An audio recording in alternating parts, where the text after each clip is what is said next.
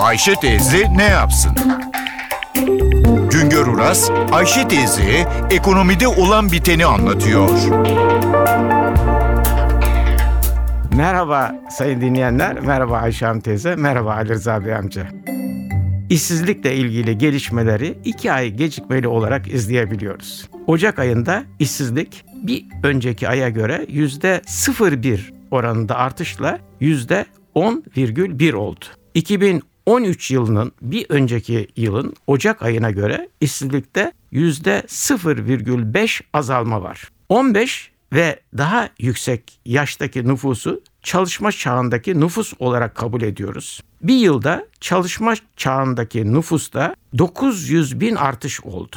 Ne var ki çalışma çağındaki nüfusun tamamı çalışmaya hazır değil. İş aramıyor. İş aramayan ve bulduğunda çalışmaya hazır nüfusa iş gücü diyoruz. Bir yılda iş gücümüzdeki artış 700 bin oldu. 28 milyona yükseldi. Ülkede bir yılda iş gücündeki artışın üzerindeki nüfusa 800 bin kişiye iş imkanı yarattık. Çalışmak isteyen nüfustaki artışın üzerindeki iş imkanı nedeniyle bir yılda işsiz sayısında 50 bin azalma oldu. Bütün bunların sonucu işsizlik oranı %10,5'tan %10,1'e geriledi. Tarımdaki işsizlik azaldı. 15-24 yaş arasındaki gençlerin işsizlik oranında az da olsa gerileme görüldü. Ekonomi her şeye rağmen iş imkanı yaratıyor. Ekonomik durgunluğa rağmen bir yılda iş arayan nüfustan daha fazlası insana 800 bin kişiye iş imkanı yaratılması önemlidir. Bitmedi. İstihdamdaki gelişmeler değerlendirilirken 3 noktanın üzerinde durulur.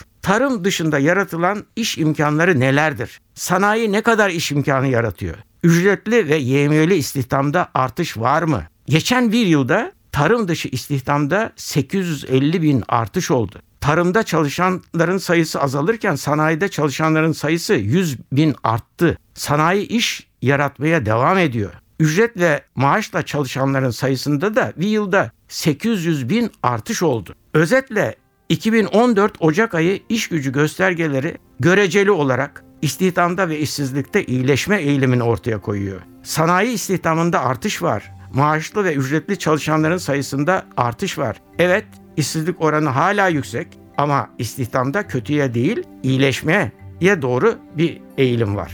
Bir başka söyleşi de birlikte olmak ümidiyle şen ve esen kalınız sayın dinleyenler. Güngör Uras'a sormak istediklerinizi ntvradio.com.tr adresine yazabilirsiniz.